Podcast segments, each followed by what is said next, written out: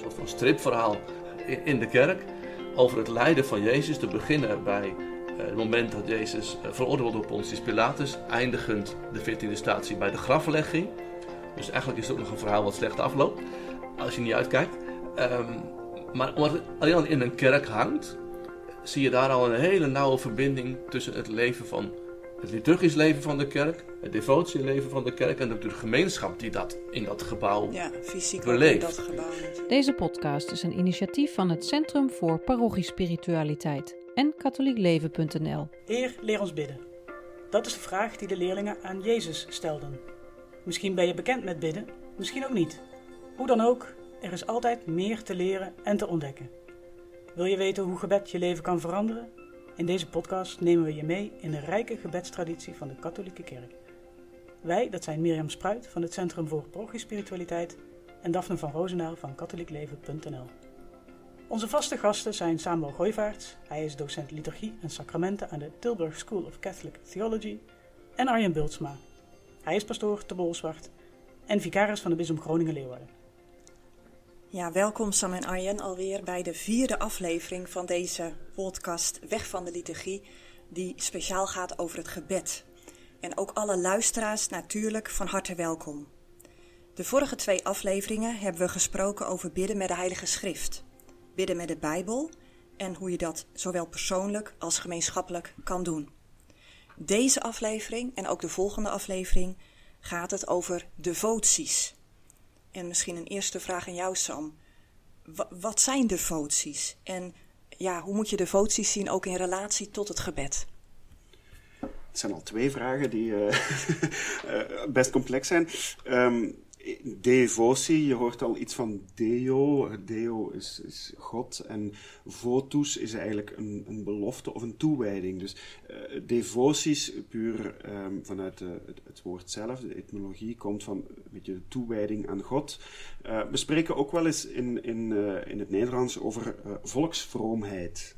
Dus het, het gaat in elk geval over ons onderwerp van onze podcast, over eh, gebed, over gericht zijn op God, zou je kunnen zeggen.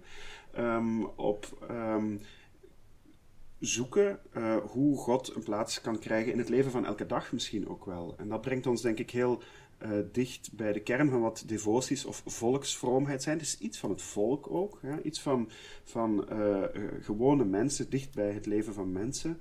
Ehm, misschien is dat ook al eh, meteen een, een, klein onderscheid, hoewel er ook wel een grijze zone is met, eh, als je vraagt wat is het verschil tussen devoties en liturgie en, en hoe moeten we dat een beetje eh, ten opzichte van elkaar zien. Ehm, liturgie wordt ons gegeven door de kerk. Ehm, in strikte zin zijn het teksten, rituele handelingen, gebaren die ook door de kerk zijn voorgeschreven. En, en volksvroomheid of devoties, je zou kunnen zeggen, is een beetje meer bottom-up. Eh, het ontstaat vaak ook op een, eh, op een lokale plek. Ehm, je hebt natuurlijk ook hele eh wijdverbreide devoties, hè, zoals...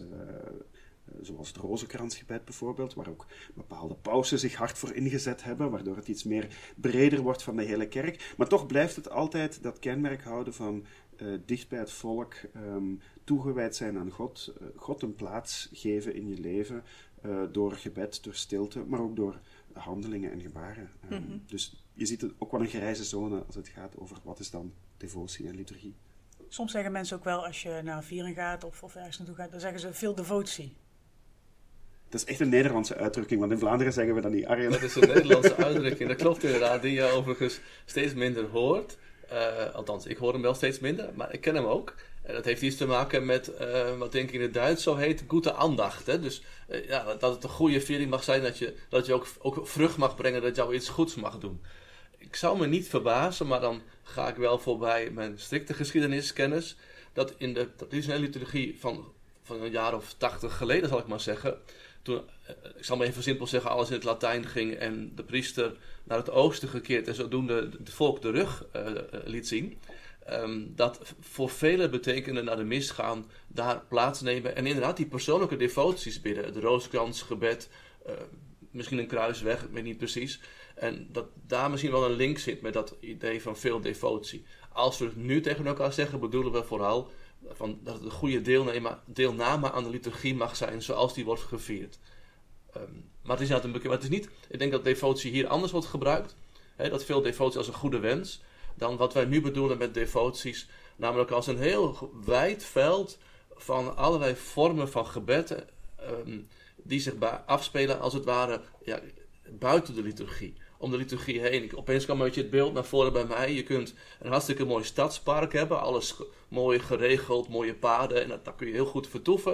Maar je hebt natuurlijk ook allerlei tuinen en bossen die helemaal niet zo goed aangehaakt zijn. Maar wat even goed natuurlijk vertoeven is. En liturgie is misschien wel soms ook wat een heel aangehaakt, een heel verzorgd park. Precies zoals het wordt aangeboden, zoals je er doorheen gaat. En dan kun je ook misschien moeten leren om dat te waarderen. Terwijl je in een bos, ja, dan kun je lopen, dan kun je spelen, dan kun je uh, om wat kastanjes gaan zoeken. Dat kan van alles. En dat heeft een eigen waarde. Maar vanuit het ervaring in het bos kun je ook weer het park waarderen. En omgekeerd, waarschijnlijk vanuit het park kun je ook weer in het bos weer de eigen structuren of het gebrek daaraan waarderen. En ik denk dat met devoties een beetje op dezelfde manier werkt.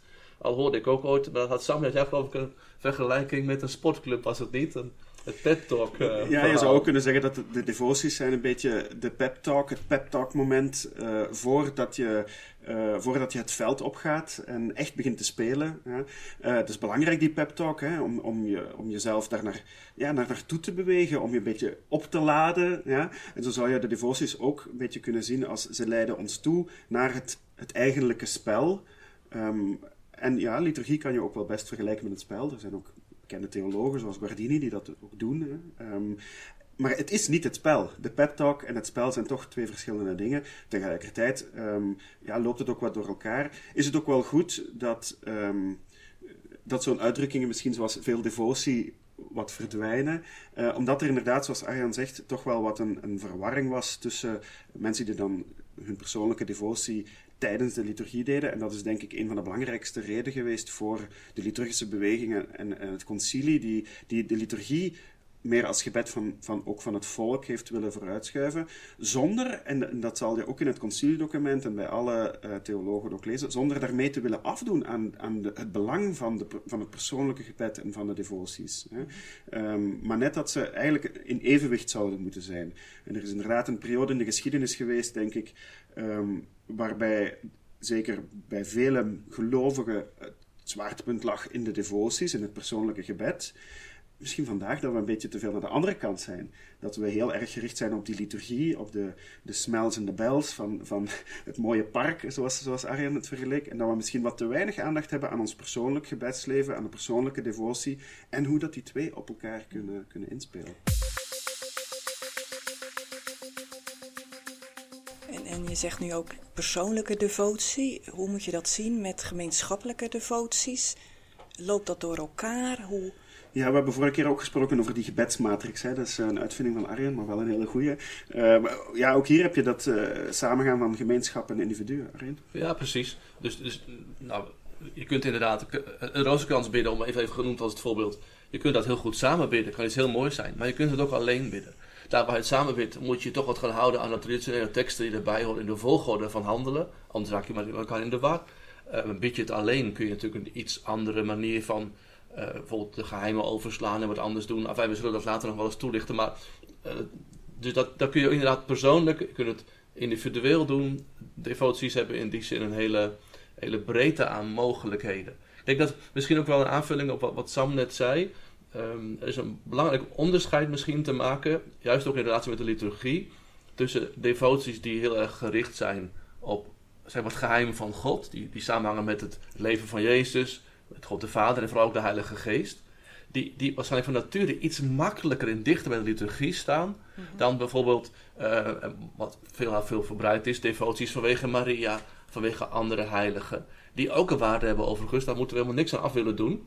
Ehm, maar die misschien op sommige momenten wat verder weg van de liturgie staan. Um, maar tegelijkertijd vaak, zie maar bijvoorbeeld in Den Bosch of in Maastricht, hè, waar Maria natuurlijk heel veel bezoek krijgt, waar heel veel kaarsjes worden aangestoken. Um, ja, wel heel dicht bij mensen kan staan. Een enorm goede brug kan zijn ook om mensen als het ware in te leiden in het geloof van de kerk. Ja, en over die devoties dus uh, tot Maria en de Heilige gaan we het in de volgende aflevering hebben. Dat is het plan. Ja, dat is het plan tenminste. en deze aflevering willen we het dan hebben over de devoties, uh, speciaal in relatie tot Vader, Zoon en Heilige Geest, waarvan je ook zegt hè, dat, dat die wat dichter bij de liturgie staan. Ehm, willen jullie nog iets algemeens zeggen of willen jullie nu in gaan zoomen op enkele voorbeelden van deze devoties? Ja, ik zou zeggen, als we inzoomen, dan komen we meteen wat zaken tegen. Het wordt heel abstract. We kunnen een hele abstracte discussie gaan voeren over relatieliturgie en devoties. Dat is niet helemaal de plek. Dan zou ik inschrijven bij de TST en dan kan Sam Altijd al zijn colleges altijd geven. ja. Altijd goed. Maar als we voor deze podcast, het gaat over leren ons bidden, zou je bijvoorbeeld heel goed kunnen kijken naar, om te beginnen bijvoorbeeld de kruisweg, omdat het een hele mooie testcase is. Bijvoorbeeld alleen al omdat sinds enkele eeuwen eigenlijk alle kerken voorzien zijn van kruiswegstaties. Dat in de kruisweg is een devotie rondom 14 afbeeldingen. Is een soort van stripverhaal in, de kerk over het lijden van Jezus. Te beginnen bij eh, het moment dat Jezus uh, veroordeeld wordt door Pontius Pilatus, eindigend de 14e statie bij de graflegging. Dus eigenlijk is het ook nog een verhaal wat slecht afloopt, als je niet uitkijkt. Um, maar omdat het alleen al in een kerk hangt, zie je daar al een hele nauwe verbinding tussen het leven van het liturgisch leven van de kerk, het devotieleven van de kerk en de, de gemeenschap die dat in dat gebouw Ja, fysiek beleeft. ook in dat gebouw natuurlijk. Maar zo'n kruisweg is, is ook een heel mooi voorbeeld van wat ik daarnet zei, hoe je ziet hoe zo'n devotie, zo'n volksvroomheid ook een beetje bottom-up ontstaat. Hè? Oorspronkelijk heeft het een beetje een link ook met de, de, de pelgrimages naar, uh, naar Jeruzalem, hè? de plek waar het allemaal gebeurd is, waar men dan ook hè, die verschillende staties, die verschillende, statie is eigenlijk gewoon plaats of plek, um, waar men die plekken bezocht en dan ook zich heel nauw verbonden voelde met het lijden van Christus. En je krijgt ook vanaf de middeleeuwen dat dan mensen die op bedevaart gingen uh, of op kruistocht naar uh, Jeruzalem, dat die, dat idee van het bidden van die staties, het bidden of het, het ja, het zich nauw aansluiten bij dat lijden van Christus, die dat meenemen naar huis en dan ook zelf uh, dat in hun kerken uh, hier in het Westen ook uh, beginnen te introduceren. je had zelfs gedurende de eeuwen ook geen vast aantal van staties. Dat kon variëren van 7 tot in de 40 aantal staties. De ene al bijbelser dan de andere. En tot op vandaag zijn ook de ons gekende 14 staties um, zeker niet allemaal, uh, allemaal bijbels. Uh, Johannes Paulus II heeft dus een poging gedaan om de kruisweg wat bijbelser te maken. Maar um, op zich is dat ook niet het belangrijkste. Het belangrijkste is dat je ziet hoe zoiets eigenlijk ontstaan vanuit ook ja, nood bij mensen. Uh, net omdat het heel dicht bij het leven staat. In die zin toont het ook iets van het universele verhaal van Jezus, dat, um, hoewel een verhaal van hoop en leven is, niet losstaat van het lijden en de dood zelfs. Ja? Uh, en dus eindigt met, zoals Arjen zei, met, met de graflegging. Um, en dat het dan in de kerken komt, dat heeft natuurlijk heel erg geholpen om specifiek van deze devotie iets te maken dat heel erg lijkt op een liturgie. Ja? Met soms zelfs een vaste orde van dienst, zeker als je het in groep doet. Ja? Uh, zeker op een vast moment, zoals de kruisweg die we kennen van op Goede Vrijdag. Maar vroeger bijvoorbeeld elke vrijdag gebeden wordt, waar je, um, toen hier nog sprake van was, ook bepaalde aflaten mee kon verdienen met het bidden van de kruisweg. Uh, maar zo een Goede Vrijdag kruisweg, strikt genomen, je gaat het niet terugvinden in het missaal van de Goede Week. Ja, dat, dus strikt genomen is het niet in die zin liturgie, maar dat geeft ook heel veel kansen en mogelijkheden om net als devotie heel dicht bij mensen te staan. Het Omdat, gaat, dus, het gaat dus eigenlijk om, om mensen die dan uh, in, naar het Heilig Land waren geweest, daar een bepaalde ervaring hebben gehad en die ervaring mee terug naar huis nemen. En dan die, sta die staties in ja, En een gelegenheid natuurlijk voor degenen die helemaal niet, niet, niet naar het Heilige Land kunnen reizen, Ja. om toch die ervaring thuis op te doen. Kijk, en het mooie hiervan is ook, dus dat, net even zeiden van de pep talk richting liturgie. Het, er is een discussie, onder andere Johannes Paulus II heeft het geprobeerd om een vijftiende statie te introduceren, namelijk de verrijzenis. Ik ben daar zelf geen voorstander van. ik wel. Kleine discussie onderling. Ja. Maar het punt is namelijk dat in feite als de kruisweg op de kerkmuur hangt, dan is minstens het altaar zelf de vijftiende statie. Namelijk waar we de verrijzenis vieren. De kerkmuren zelf zijn teken van de verrijzenis, want zonder die verrijzenis was die hele kerk nooit gebouwd. De gebiddende gemeenschap zelf is de vijftiende statie. Maar als je kunt zeggen, in die kerk is de vijftiende statie het altaar, de plek waar we Christus als verrezen Heer ontmoeten. Dan is het dus heel duidelijk dat Kruisweg zelf ook een toeleider naar de Eucharistie is, naar het, het vieren van de verrijzenis, natuurlijk ook vanwege het lijden, waar ook je je eigen persoonlijke leed of eventueel het leed van anderen zo nadrukkelijk mee, mee kunt verbinden. Of het leed van de wereld. Hè. En dat zie je dus ook in de vele eh, kruisweggebeden die eh, ondertussen doorheen de eeuwen, maar tot op vandaag, ehm, gemaakt en geschreven zijn. Hè. Je hebt een paar klassieke kruisweggebeden die je ook in de klassieke gebedenboeken vindt, zoals uh, Alphonsus uh, Liguori is een, een heel bekende. Hè. Johannes Paulus II heeft daaraan bijgedragen. Maar tot op vandaag heb je ook uh, het kruisweg van Titus Brandsma. je kan een kruisweg, omdat het zo een, een univers... Ik wou bijna zeggen een mooi, maar eigenlijk is het geen mooi verhaal, maar een universeel verhaal van het lijden is. En wij die ons ook een stukje gedragen mogen weten um, als Christus dat kruis op zich neemt. Ja? En, en daarmee ook het, het lijden van de wereld, of het nu een coronacrisis, een pandemie is, of, of een oorlog, of um, eender wat. Eh, en, en dus heb je een heel mooie um, ja, verbinding.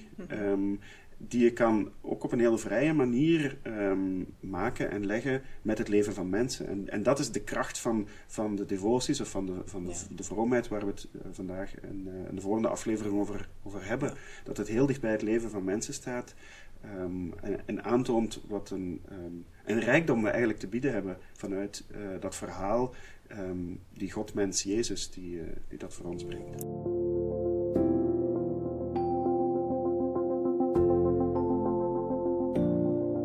Het kan natuurlijk ook helpen op daar waar je met je mond vol tanden staat.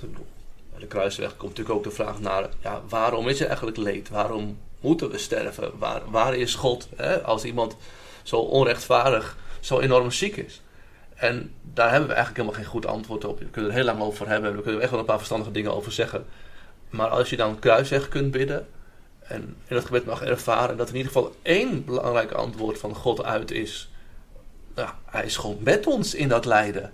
Uh, en wij mogen met hem zijn in het lijden van Christus. Dan is dat nog heus geen volmaakt theologisch antwoord. Maar het is wel een hele belangrijke richtingwijze. En ook een hele belangrijke herinnering dat ook op de moeilijke momenten van het leven ja, we niet alle antwoorden hebben. Maar wel een manier om er met elkaar mee om te gaan. En daarin verbondenheid met God te ervaren en elkaar. Ja. En dan zo'n zo'n zo'n ritueel, zoals de kruisweg, of het dan liturgie is. Het is in elk geval een duidelijk ritueel. Geeft ook een vaste structuur, geeft ondertussen ook een vaste inhoud. Om inderdaad, als je met je mond vol tanden staat, om toch uh, dat verhaal dat God met de mens steeds opnieuw blijft schrijven, om dat ook Um, om dat ook binnen te brengen. Hè. Je hebt in principe in zo'n kruisweg ga je van statie naar statie en bij elke statie heb je dan een beetje dezelfde structuur van, uh, van gebed met een soort uh, dialoog die er gezegd wordt, uh, maar soms ook een, een, een bijbeltekst, um, een, een, overweging, een gebedsoproep, een, een, gebed dat je samen bidt. Dus het brengt je heel dicht opnieuw bij, bij het, um, ja, het een plek geven van je geloof van God in je leven via, via de vorm die visueel is, die rituelen heeft, die teksten heeft en die dus in die zin ook wel iets hoogliturgisch heeft, zeker in deze vorm van de kruisweg. Ja, mooi. Het is denk ik ook echt een, een devotie, hè, die mensen ook veel troost uh, kan bieden, ook uh, in hun leven. Maar jullie hebben ook nog andere devoties die jullie graag met ons uh, wilden bespreken vandaag. Een devotie die ook genoemd kan worden, die daar zeker, wat er zeker voor geldt, is natuurlijk is de aanbidding dus dat bijvoorbeeld wanneer uh, het geconsecreerde hostie, uh, vaak dan nog niet gebroken, uh, niet, niettemin in zo'n mooie gouden of anderszins versierde monstrans wordt geplaatst. Eucharistische aanbidding. Eucharistische aanbidding, moet ik, ja, dat moet ik precies zeggen eigenlijk. Goed dat we met z'n tweeën zijn. En ehm, de Eucharistische aanbidding, dat dus die de hostie wordt in een monstrans, van monstrare, laten zien. Het is een soort van demonstratie, maar dan niet in de zin van laten we ons dus verzet plegen, maar we laten zien wat voor ons heel gewichtig is. Wat, dus we laten de geconstrueerde hostie zien en dan is dat de gelegenheid om ja, kijkend en nabijheid zijnd ook de tegenwoordigheid van God uh, nadrukkelijk te ervaren. Zo, zoals de pastoor van Ars dat ooit ook aan zijn mens heeft uitgelegd in de trant van ja, stel je open voor de liefde van God die, die daaruit mag spreken vanuit het hele gebeuren, het hele vieren van de van Eucharistie. En, en maak het dan niet zo ingewikkeld. Hè? Hij kijkt naar jou, ik kijk naar hem. En, en nou ja, zo. Dat is genoeg in, in dat zijn is dan, woorden. Ja. Nou ja, goed, dat is nog ja. lang niet alles. Maar dat ja. is wel een, soort van houding. Je kijkt naar elkaar en vooral als een, als een beeld ervan dat je probeert ja, elkaars hart te openen. En Nieuwman zou geloof ik zeggen, cor ad cor, van hart tot hart. Um, natuurlijk, daar moeten we natuurlijk niet omheen draaien. Um, als we de Eucharistie uitstellen in een monstrans, het, het, het, de hostie uitstellen, dan is dat natuurlijk een versluierde aanwezigheid. Het is een sacramentele aanwezigheid.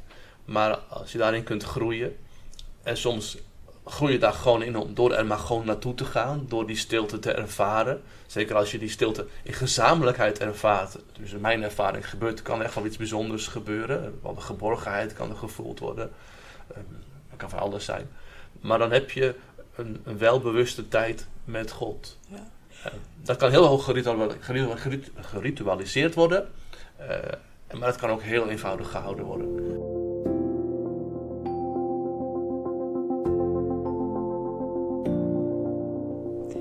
Sam, misschien kun jij iets vertellen waar komt deze devotie vandaan?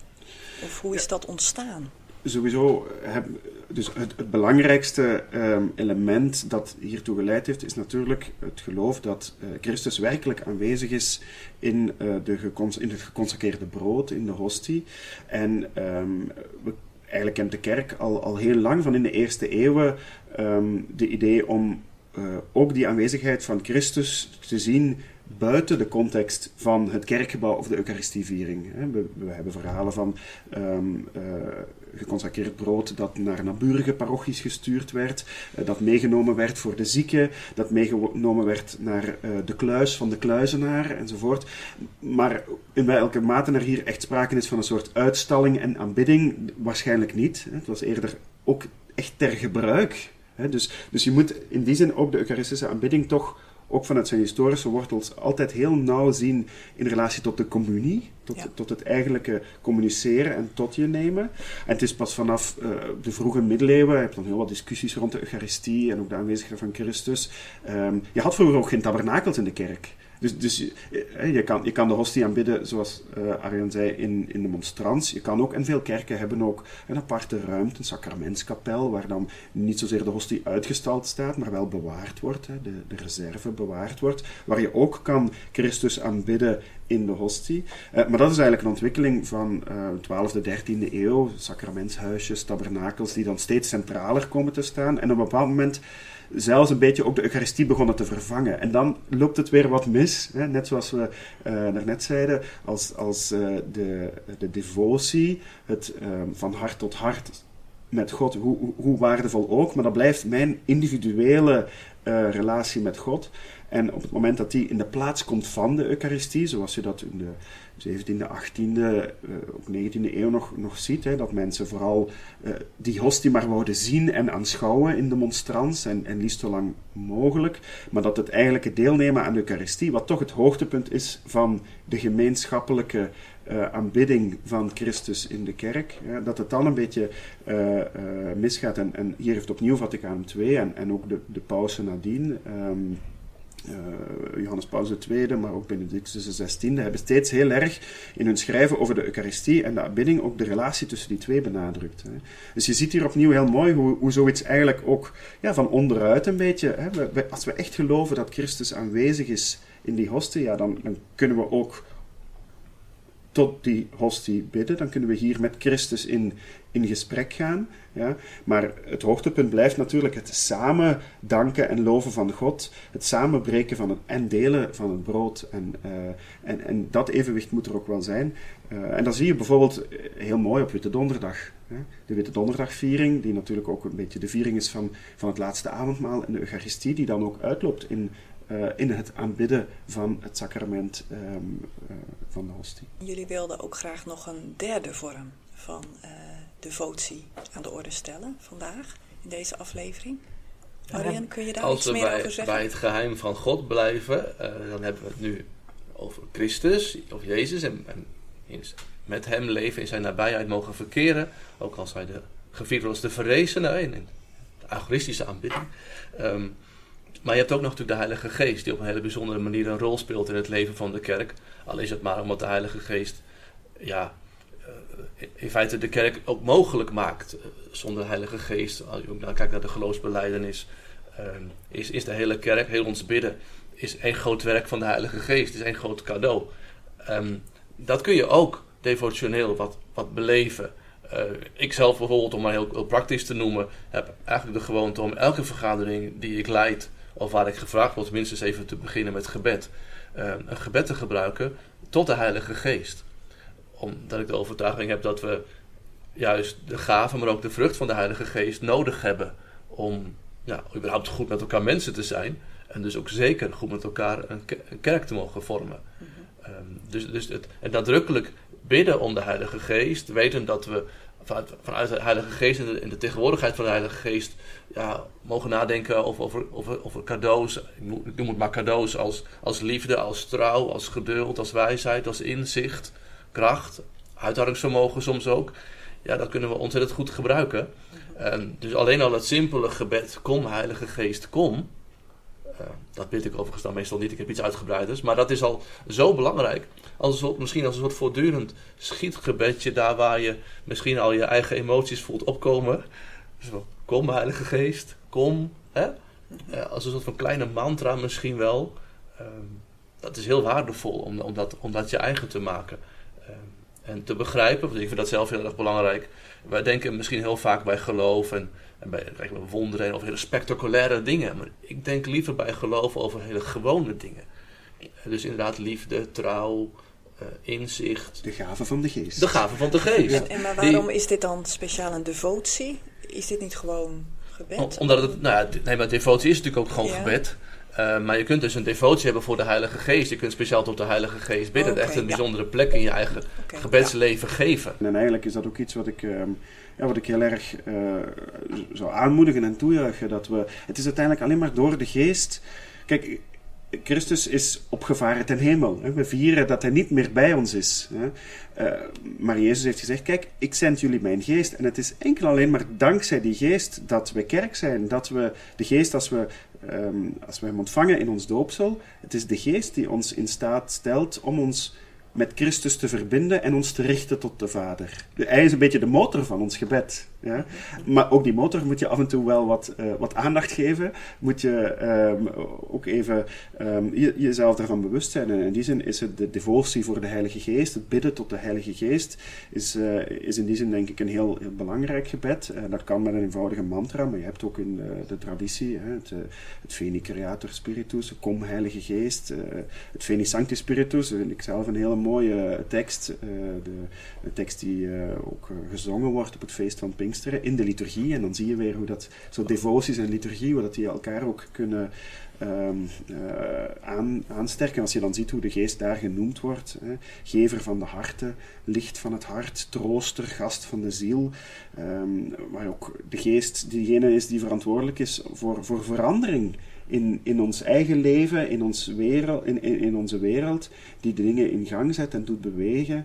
Um, is het ja, goed zacht om... maakt wat is verstart, vind ik een hele mooie. Ja, krom, uh, recht maakt wat krom is, ja, uh, wast wat vuil is. Het zijn allemaal actieve, actieve handelingen die uh, in, in dat gebed tot de geest. maar het zijn ook hele gewone dingen. Hè? Dus het, het, het wassen, het, het salven. Dat zijn hele gewone, niet spectaculaire dingen. En die hebben we mij zo ontzettend nodig. Als ik voor ons ook altijd geest of zo geef, dan met, pubers natuurlijk, die ook wel eens tegen de muur omhoog lopen. Dan, dan, dan vraag, vraag ik wel eens, moet je nou eens voorstellen dat jouw ouders en je gezinsleden thuis geen geduld, geen inzicht, geen trouw hadden. Dan was toch elk huis te klein. Nou ja, en dat erkennen ze onmiddellijk. Maar daar waar het dus wel lukt om, om ook als gezin of als kerk of als, of met wat collega of als buurt met elkaar een gemeenschap te blijven vormen, ondanks dat er dingen kunnen zijn, daar is, daar is geest aan het werk. Nou, daar gevoelig voor worden, dat is belangrijk. Was het nou toeval dat uh, de kerkklokken hier begonnen te luiden? Want we zitten bij het Centrum voor Parochie Spiritualiteit. Was het toeval? Ja, het is uh, midden op de dag hier als we dit opnemen. Dus, uh... Ik wil het alleen maar zeggen dat we moeten bidden waarschijnlijk. bidden tot de geest, tot vader, zoon en geest. Ja, overigens, dus die gevoeligheid voor de Heilige Geest, als je die door ook zo'n beetje devotie daarvoor ontwikkelen, helpt je natuurlijk ook weer om de Bijbel beter te lezen. Helpt je ook weer om de liturgie beter te vieren. Het kerstverhaal gaat toch weer anders klinken als je gevoelig bent voor de Heilige Geest die bij Maria op bezoek komt. Althans, die haar overschaduwt als de engel haar bezoekt. Als we willen leren bidden, is het natuurlijk interessant om van andere mensen te horen hoe zij dat doen. Ook deze keer hebben we voor deze podcast iemand gevraagd: wanneer bid jij? En hoe doe je dat? En vind je dat makkelijk of moeilijk? Vind je er makkelijk tijd voor of is dat lastig? Dus bidden, hoe doe jij dat?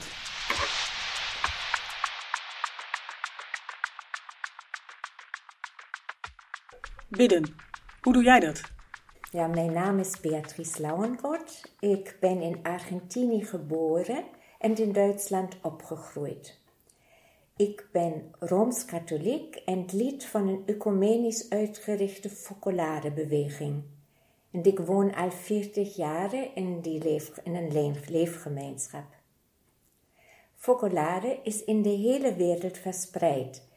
En nadat ik de beweging vele jaren in Italië, Oostenrijk en Rusland heb gesteund, ben ik nu al 14 jaar in Nederland, in het landelijk centrum van Focolare, dicht bij het Hertogenbos. Wat spreekt u aan uh, in Focolare? Dat wil ik toch graag even weten. Ja, het is een leven in gemeenschap wat ik aantrekkelijk vind. Ik voel er is een steun voor mij, maar ik mag ook steun zijn voor anderen. Het is een wederzijdse ervaring. Vroeg in de ochtend als ik opsta en voordat ik mijn dagelijkse activiteiten begin, vertrouw ik God de nieuwe dag toe. Soms met het lezen van een meditatieve gedachte, soms met een gebed zoals Onze Vader, soms met een kort maar intens gesprek met God. In mijn gemeenschap, het Focolare, bidden wij samen uiteraard voor het eten en vaak ook avonds om de dag met God en met elkaar af te sluiten. Maar zoals iedereen heb ik het ook soms heel druk en dan wordt het moeilijk om regelmatig te bidden. voor een lang gebed of voor een meditatieve gedachte heb ik soms geen tijd. Ik werk onder andere in het conferentiecentrum van de focolare beweging naast Nieuwkerk. En ik kom met vele mensen in contact. Ik probeer dan ruimte te geven aan God in mijn dagelijkse activiteit. Omdat ik niet kan stoppen om te blijven bidden, dan doe ik gewoon iets. Bij het koffiezetten bijvoorbeeld denk ik aan de mensen voor die ik de koffie ga zetten. En als ik bloemen in de receptie neerzet, dan denk ik het is een mogelijkheid om te laten zien dat God schoonheid is in, het, in de harmonie van het ambiente. En ik probeer soms een luisterend oor te hebben voor mensen die me misschien meerdere keer achter elkaar hetzelfde vertellen. En zo heb ik een soort van schietgebed ontdekt. Ik zeg dan, ik doe het voor u, God, voor u in mijn naaste. Ik kan misschien iets korts vertellen over mijn ervaring met het schietgebed uit de laatste tijd. Sinds vier maanden wonen een aantal mensen uit Oekraïne met ons in Marienkroon. Gisteren ontmoette ik Masha in de gang. Ze heeft net vernomen dat een van haar zonen is doodgeschoten. Oksana, moeder van twee kinderen, huilt met haar mee.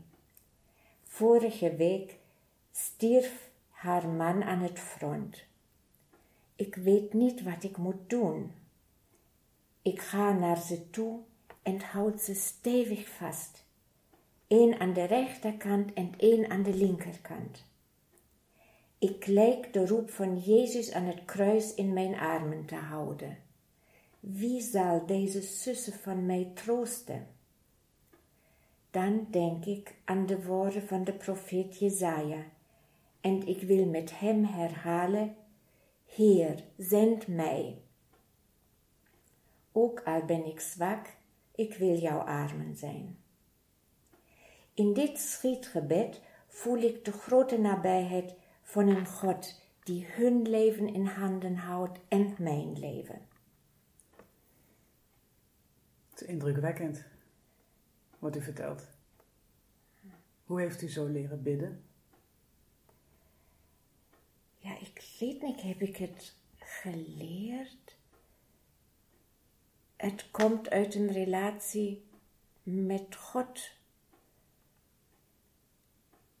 Ja, ik kan niet zeggen, ik ben zeker van thuis uit gelovig opgevoed. Dat heeft zeker een basis gelegd. Maar in de loop van het leven zijn er ook momenten gekomen dat God heel ver weg was. Maar in de loop van de tijd, in het proces ook van een leven in gemeenschap die steunt, is die relatie met God nog dieper geworden, heb ik de indruk. En dat wat ik in de laatste tijd meemaak hier met onze gasten uit Oekraïne, dat helpt mij in de relatie met God te groeien, omdat ik zoveel ontvang van hun. Menselijke acceptatie, warmhartigheid. Ik heb soms de indruk dat God voor mij in hun raakbaar is. Ik kan hem aanraken. Wat, wat is bidden eigenlijk? Als u dat heel kort zou moeten uitleggen aan mensen die nog nooit hebben gedaan. Ja, als ik op mijn persoonlijke ervaring kijk, dan is het een gesprek met God. Een gesprek met een vriend, met een vader, met een, ja, een reisgezel die met mij op weg is. Nou ja, als ik nu met u spreek, nou, dan probeer ik goed te begrijpen wat u vraagt om daar een antwoord op te geven. Maar dan moet ik eventjes mijn zorg loslaten dat ik niet begrijp wat u wilt weten. Maar als ik dan met aandacht naar u luister, kan ik misschien ook een antwoord geven. Met God is het hetzelfde. Als ik met tot rust kom en met aandacht probeer te luisteren, Heer, wat wil je mij zeggen? Zeker, hij antwoordt niet met een menselijke stem, maar ik voel dat hij van, vanuit mijn hart, vanuit binnen, laat hij mij begrijpen wat ik moet doen, of hij laat het mij ook niet begrijpen, maar dan vind ik tenminste een rust om nog af te wachten als ik een besluit moet nemen. Het is ja, zoals iemand van die je heel veel houdt en het vertrouwen hebt dat het goed komt. Wat je ook beleeft, dat lukt ook niet altijd. Maar ik voel toch altijd weer dat het de moeite waard is om het opnieuw te proberen. En de antenne af te stemmen. Ja, op ontvangst zetten. Als je nou die devoties waar jullie het over hebben gehad, uh, kruisweg, um, eucharistische aanbidding, ik zeg het goed, um, bidden tot de Heilige Geest, als je die nou niet kent en je zou er meer bekend mee willen, willen raken, hoe kun, je dan, uh, hoe kun je dat aanpakken? Ja, ik heb zelf de ervaring om bij de kruisweg te beginnen, om het heel simpel te houden in het begin. Ik heb regelmatig in Bolsward, hè, dus deels een protestantse omgeving, toch af en toe dat er groepen van de protestantse categorisatie op bezoek komen om de kruisweg te bekijken. En ik weet wel dat ze dan eigenlijk komen om gewoon een soort van inhoudelijk verhaaltje te krijgen, maar ik lok ze altijd uit om toch tot een vorm van gebed te komen. Dat doe ik heel simpel. Door gewoon statie voor statie even kort te introduceren wat überhaupt de kruisweg is. Ehm, en dan statie voor statie kort te zeggen van oké, wat zie je? Nou, bijvoorbeeld statie 1. Uh, eh, Pilatus uh, veroordeelt Jezus door het kruis. En vaak zie je nog dat zijn handen was in onschuld. En dat hij dan eigenlijk heel snel begint te vragen: oké, maar als je dit nou ziet. En je gaat dit proberen voor deze tijd. Waar, waar denk je nou? Voor wie of voor wat zou je willen bidden? Zodra je ziet dat hier een onschuldige wordt veroordeeld tot, tot een kruisdood. Nou, en dat gaat heel makkelijk. Want dan, ja, ik moet even op gang helpen, maar op een gegeven moment dan lukt dat. Dan komen we natuurlijk toch wel, moeten we zien bidden voor Amnesty International. Of voor al die mensen die uh, die inderdaad ook onschuldig in de gevangenis zitten door een falend rechtssysteem. Dat zullen de kinderen niet zo zeggen. Maar, en dan, dan krijg je al meteen een hele mooie verbinding. Als je later in de kruisweg tegenkomt dat Jezus ontmoet zijn moeder. Dan weten ze ook heel goed daarbij te actualiseren. Dan heb je helemaal nog geen officiële teksten. Heb je nog helemaal niet. Maar puur die verbinding tussen dat verhaal en nu. En als dan dus weer goed is, laat ik ze wel als onze vader bidden of zo, of, of anders iets. Maar dan kun je heel simpel, ook voor jezelf, een soort van meditatie starten. Wat zeggen deze beelden mij wat zeggen ze mij nu? in deze concrete wereld. Dus dat is eigenlijk wat iedereen kan doen. Ga Dat naar de kerk en, en ga op je gemak naar de viering of zo. Ja, de staties. Dat is, dat is een, een begin, dat is een hele eenvoudige manier. Krijg je smaak, word je misschien ook wel nieuwsgierig naar hoe anderen meer, bijna meer literair en poëtisch ook teksten hebben gemaakt en gebeden hebben gemaakt. Maar dan heb je al een eigen ervaring van een eigen reflectie. Ja want, er- ja, want er zijn natuurlijk ook talloze gebeden te vinden hè, bij, bij de Kruisweg. Eh, talloze schilderijen. eh, jullie noemden in het begin ook al even, het is net een stripverhaal. Hè? Er zal vast ook een stripversie zijn van de Kruisweg. Hebben jullie allebei een, een favoriete Kruisweg of een Kruisweg die jullie zouden willen aanbevelen? Favoriet. Ik heb in ieder geval veel ervaring met. eh, ik ben lange tijd als student in Kevelaar. eh, eh, ben ik als student regelmatig geweest helpen. En dan baden wij als na de Eucharistieviering. Dus inderdaad in verbondenheid met de Eucharistieviering. baden wij met, met, de, met de mensen die niet met de groep mee waren. De, kruisweg, voor je dat wilde. Die teksten zijn me heel vertrouwd geworden. Vroeger ken ik ze bijna in mijn hoofd. Ehm, en dat is dan, omdat je toch heel vertrouwd wordt, heel erg rijk. Sam, heb jij nog een Ja, ik ben een Kruisweg beetje bevooroordeeld. die wel aanbevelen? Mijn eigen moeder heeft, eh, ik denk, een drie, viertal meditaties bij de Kruisweg geschreven. En dus eentje die mij heel erg eh, aan het hart gaat, waar ze eigenlijk ehm, naast de meditatie, ehm, waarbij ze volgens mij ook echt probeert om de kracht van de Kruisweg, ehm, eh, die is de verbinding met ons eigen leven, hoe die eigenlijk op een eigen tijdse manier ook, ook verbonden worden, met telkens een korte beschouwing, meditatie en dan een gebed. Ehm, eh, ze heeft er verschillende, maar eh, onder andere ook een, eh, een kruisweg aan de hand van teksten van Teresa van Lisieux. Dat is misschien al voor een iets gevorderd publiek, maar ook, ook heel mooi. Maar bijvoorbeeld die, de ene die ik wel regelmatig ook ter hand neem en, en, en probeer te bidden, ehm, is, is ook online eh, de beschikking te geven. En bijvoorbeeld bij de statie van als Jezus de derde statie als hij valt, ehm, is het gebed, ik kan het even eh, voorlezen. Heer, u valt wel, maar begeeft niet onder alles wat wij op uw schouders leggen. Zo bent u teken van hoop voor ons als wij door de knieën gaan. Uw ongelooflijke menslievendheid spreekt nog meer uit uw vallen dan uit uw opstaan.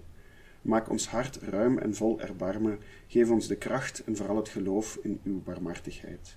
Is het gebed waarmee de derde statie wordt afgesluit. En zo ja, geeft deze kruisweg, maar eigenlijk elke kruisweg, en je, vindt er online ook heel vele, ehm, denk ik echt de kans om dat te verbinden met het, met het leven van Met het mensen leven zelf. en de situatie op dat moment ook, hè? in het leven van mensen. Maar Ja. deze, omdat hij geschreven is door mijn eigen moeder, ligt me natuurlijk nauw aan het hart. Dus Mooi, in die zin ja. wat bevooroordeeld. Maar je moeder werkt ook in de parochie, toch?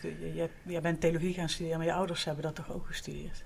Mijn ouders hebben het ook gestudeerd, ja, klopt. Ja. Dus daar, eh, ja. Maar je hoeft niet per se theologie te hebben gestudeerd om een kruisweg-meditatie te doen. Helemaal, helemaal niet, nee. Mooi. De Eucharistische aanbidding. Hebben jullie daar nog tips voor de luisteraars? Van ja, misschien een, een plek waar je, dat, waar je graag heen gaat, of, of iets wat jou helpt eh, bij de Eucharistische aanbidding. Ja, want waar kun je naartoe als je kennis wil maken met eucharistische aanbidding? Want zelf ken ik het van, van de Wereldjongerendagen vooral, van, van jongerenbijeenkomsten. Maar ehm, in veel parochies is, er- is er ook aanbidding. Het zal een beetje zoeken worden waarschijnlijk op websites waar parochies wat aanbieden. Eh, in mijn eigen parochie probeer ik eens in de maand een, geval een uur, maar dat is dan stille aanbidding. Ehm, maar je hebt bijvoorbeeld ook wel eens rondom, met name ook wel in de maanden mei en oktober, dat er een soort van, ook een typisch iets trouwens, maar niet meer een Marialof wordt georganiseerd. Dus dan heb je weer wat meer geritualiseerde vorm van de eucharistische aanbidding. Maar ik denk dat met een beetje zoeken bij de parochies in de buurt, zul je waarschijnlijk iets kunnen vinden. Ehm, en soms zijn er kloosters die, die, die hun kerk openstellen voor een eigenlijk voortdurende aanbidding. Ja, en volgens mij is er ook een Nederlandse website waar dat allemaal samenkomt. Dus we gaan ook kijken of we die in de show notes kunnen vermelden. Ja, en voor het overige eh, is het volgens mij zo, dat geldt eigenlijk voor al het bidden. Ik geloof dat Augustinus, bischop Augustinus, dat ooit eens iets heeft gezegd van ja, als je, het, het bidden kan ook een vorm van dorst zijn, iets van, van, van steeds weer verlangen. En als je normaal dorst lest, dan is het ook gauw over naar een paar glazen water. Maar bij bidden word je alleen maar dorstiger. Eh, gewoon niet dat mensen dat afschrikt. Maar dat is met die aanbidding ook zo. Op een gegeven moment misschien maar gewoon gaan zitten. Ja, en dus ik zou zeggen, als je er graag mee wilt beginnen, begin dan even met ehm, in de stilte na de communie Ik bedoel, als er één moment is voor Eucharistische aanbidding, is het in de Eucharistieviering, in de stilte na de communie. En zo zie je opnieuw dat devotie en liturgie wat Mhm. door elkaar loopt. Want dit is eigenlijk ook een moment van persoonlijke devotie, persoonlijk gebed. Ja? Eh, en, en dan heb je Christus net tot jou genomen. Dus, dus dat is denk ik al een, een kleine oefening om in dat Eucharistisch gebed. Natuurlijk, afhankelijk van priester tot priester heb je daar niet zoveel tijd. Ehm, En maar andere, voorafgaan, misschien toelopend na de communie. dan wil je het in een meer geritualiseerde vorm, wat, wat zeker ook zijn waarde heeft en zijn kracht heeft. Ehm, heb je zoals ik sowieso op Witte Donderdag, ehm, schrijft de liturgie ook voor, dat er nadien een moment van aanbidding volgt. Dus als je een beetje onwennig bent, is dat altijd een goed moment om even te starten. Dus ook een mooi moment in het liturgische jaar om te starten. En voor de rest heb je inderdaad online, eh, specifiek voor, voor jonge mensen bijvoorbeeld, maar ook voor oudere mensen, ehm, heb je de, het Night Fever initiatief. Ehm, Dat zal ongetwijfeld ook in Nederland wel op verschillende Ja, plaatsen zijn. avonden van barmhartigheid, ook rondom Ja. de Wereldjongerendagen, maar ook al eh, Veel van de nieuwe bewegingen, geloof ik, Ja. hebben ook grote aandacht. Hè? Dus, dus Ja. Ja, ook gemeenschap, vandaar, charismatische vernieuwing, K, eh, Ja. KZV. Ook rondom parochievernieuwing zie je ook Ja. dat op plekken waar parochies weer, ja, waar het gaat leven, ook, ook het gebed, maar ook de eucharistische aanbidding een belangrijke rol speelt. En dan zie je ook, ook hoe, hoe, als het ware, bijvoorbeeld meer- de meer charismatische beweging in onze kerk zal ook wat meer de, de praise muziek met, met, met gitaren en zo soms kunnen aanwenden. Eh, in- zoek je een meer kloosterlijke situaties, waarschijnlijk meer met Gregoriaans te maken Het krijgen. wat Latijn zijn, maar dat, is ook mooi. Dat, ja. dat kan allemaal en heeft ja. allemaal rijkdom. En ja, dit is devotie, dus het mag ook gewoon een beetje naar eigen smaak zijn af en toe. Hè? Ja. Eh, dat is prima. Ja. Ik vind het wel belangrijk, maar dat is een beetje eigen ervaring ook. Ehm, je kunt in je eentje gaan zitten. Eh, dat heeft ook betekenis, helemaal niet, niet verkeerd. Toch heeft het samen in stilte bidden bij het sacrament Mhm. Nog een, weer een andere diepgang, een andere, er worden andere lagen of zo aangeboord. Ik denk Mhm. dat dat ook wel, als, als mensen nieuwsgierig zijn, zeggen dit wil ik ook proberen, kijk toch of dat je ook momenten kunt vinden waarbij je als het ware aansluit bij anderen of met af kunt spreken of zo. We gaan samen Mooi. stil Ja. zijn. Dat is iets alweer anders dan alleen stil zijn. Ja, want je- kan zelfs, eh, maar, maar ik heb daar wat huivering naar, je kan zelfs eh, online, hè, je zei net zoek even online, je kan ook gewoon online inschakelen op het sacrament. Ehm, dan moet je toch wel al een beetje oefening hebben, denk ik, om Ja. dat eh, in je studeerkamer of je slaapkamer met de laptop eh, via YouTube eh, de aanbidding te doen. Dus ik, ik zou ook zeggen, probeer het in- inderdaad in gemeenschap te doen, ehm, eh, met wat eh, begeleiding, eh, zeker als je niet zo vertrouwd bent met, Ja. eh, met deze vorm van, eh, devotie. De Heilige Geest tenslotte. Wat willen jullie daar nog? We hebben al wat praktische dingen genoemd. Ja, Eh, maar misschien is het, we hebben net een stukje kruis weggehoord. Ik, ik kan wel even ook het gebed voorlezen. Wat ik zelf altijd gebruik, wat overigens een heel klassiek gebed is. Ehm, maar wat, ja, kom Heilige Geest, kom hebben we al even genoemd. Hoeven, hebben we dus nu weer herhaald. Maar bijvoorbeeld wat ik vaak bid, is kom Heilige Geest, vul de harten van uw gelovigen en ontsteken in het vuur van uw liefde. Zend uw geest uit en alles zal worden herschapen. En dan mag iedereen antwoorden en ge zult het aanschijn van de aarde vernieuwen. En dan volgt nog een kleine oratie. Goede God, door uw Heilige Geest schenkt gij uw licht aan hen die geloven. Wij bidden u. Maak ons ontvankelijk voor die geest, opdat we al wat goed is kennen en ons steeds over diens bijstand verheugen. Door Christus onze Heer. Amen. Ik vind dit voor vergaderingen een uitstekend gebed. Dat we al wat goed is mogen kennen over de bijstand van de Heilige Geest immers. Veel van mijn vergaderingen zijn toch al kerkenwerk. Dus het is, dat is ook sowieso werk van de geest. Dat vind ik heel belangrijk. En ik merk ook wel, als je dat, ik doe het heel consequent, dat progianen, ook, mensen die dat meemaken, daaraan wennen en dat ook toe gaan eigenen. Ik denk dat het heel belangrijk is. Nou, we zullen dit gebed en misschien ook nog een paar andere gebeden ook eh, opnemen bij deze podcast. Sam, heb jij nog als laatste iets wat je... Ja, zelf hou ik, hou ik heel erg van, eh, ik- we hebben het daarnet ook al even geciteerd, van eh, het Kom Heilige Geest, de, de Pinkstersequentie, het Pinkstergebed, ehm, die, die eh, op een hele eenvoudige manier, ehm, met een best oude tekst, maar eigenlijk heel mooi dat werk van de Geest tegen, laat zien en uitdrukt.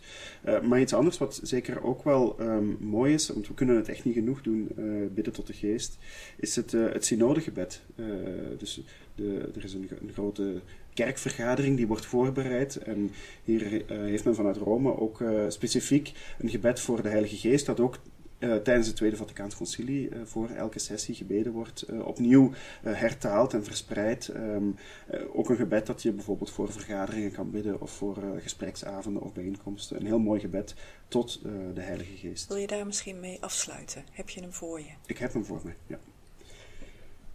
Wij staan voor U, Heilige Geest. In Uw naam komen we samen. U die onze raadgever zijt, kom tot ons. Sta ons bij. Woon in onze harten. Leer ons wat we moeten doen en toon ons de weg die we samen moeten volgen. Behoed ons ervoor, kwetsbaar en zondig als we zijn, de richting kwijt te raken en verwarring te veroorzaken.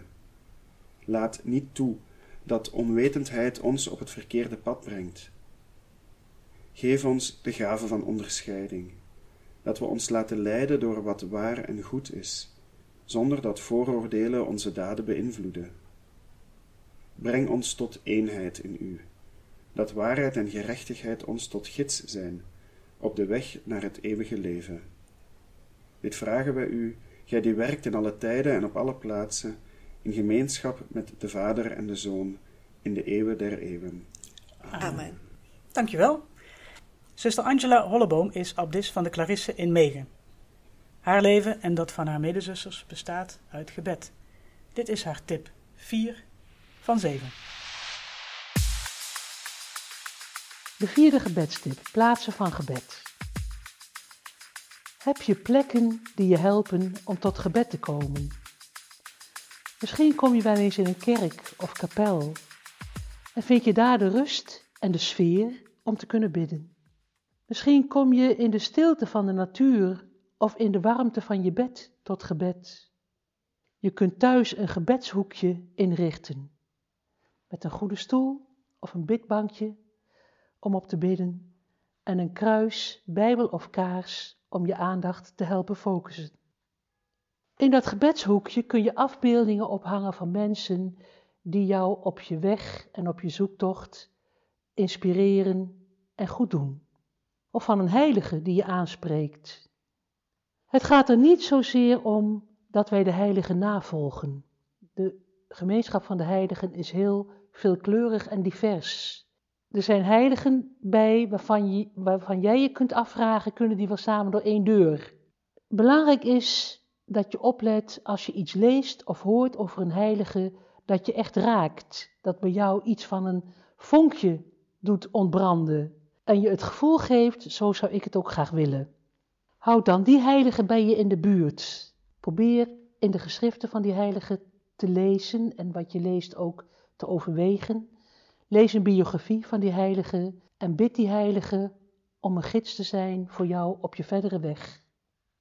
En als een heilige je aanspreekt, kun je misschien ook eens met vrienden of misschien met de parochie of het bisdom mee op een bedevaart, bedevaart naar, die, naar een plek van die heilige. Je zou je bijvoorbeeld kunnen aansluiten bij een pelgrimage naar Maria in Lourdes of dichter bij huis in Kevelaar. Je kunt een bezoek brengen in het heiligdom van Tresia van Lisieux in Lisieux. Of misschien wil je wel lopen naar Santiago in Compostela. Misschien wil je naar de Franciscaanse heiligen Clara en Franciscus in Assisi. En als je daar bent, ben je al dicht bij Rome, het centrum van de kerk, met de graven van de apostelen Petrus en Paulus. Het bezoek van zulke heilige plaatsen is vaak een onvergetelijke ervaring. Een plek van gebed hebben, heilige grond, een afgebakende ruimte waar je gezien en bemind bent door de eeuwige. Deze podcast was een initiatief van het Centrum voor Parochiespiritualiteit en katholiekleven.nl. Graag tot, uh, tot de volgende keer bij deze podcast. Dan gaat het nog een keer over devoties. Jullie zeiden het aan het begin al. Um, op de eerste plaats zijn er devoties tot, tot de Vader, Zoon, Heilige Geest. Daar hebben we het vandaag over gehad. Verder zijn er nog heel veel andere devoties. Maria is uh, kort ter sprake gekomen. En ook dat we daar de volgende keer uh, uitgebreider over gaan, gaan hebben. Dus dat is allemaal veel te veel voor één podcast. Dus wordt vervolgd.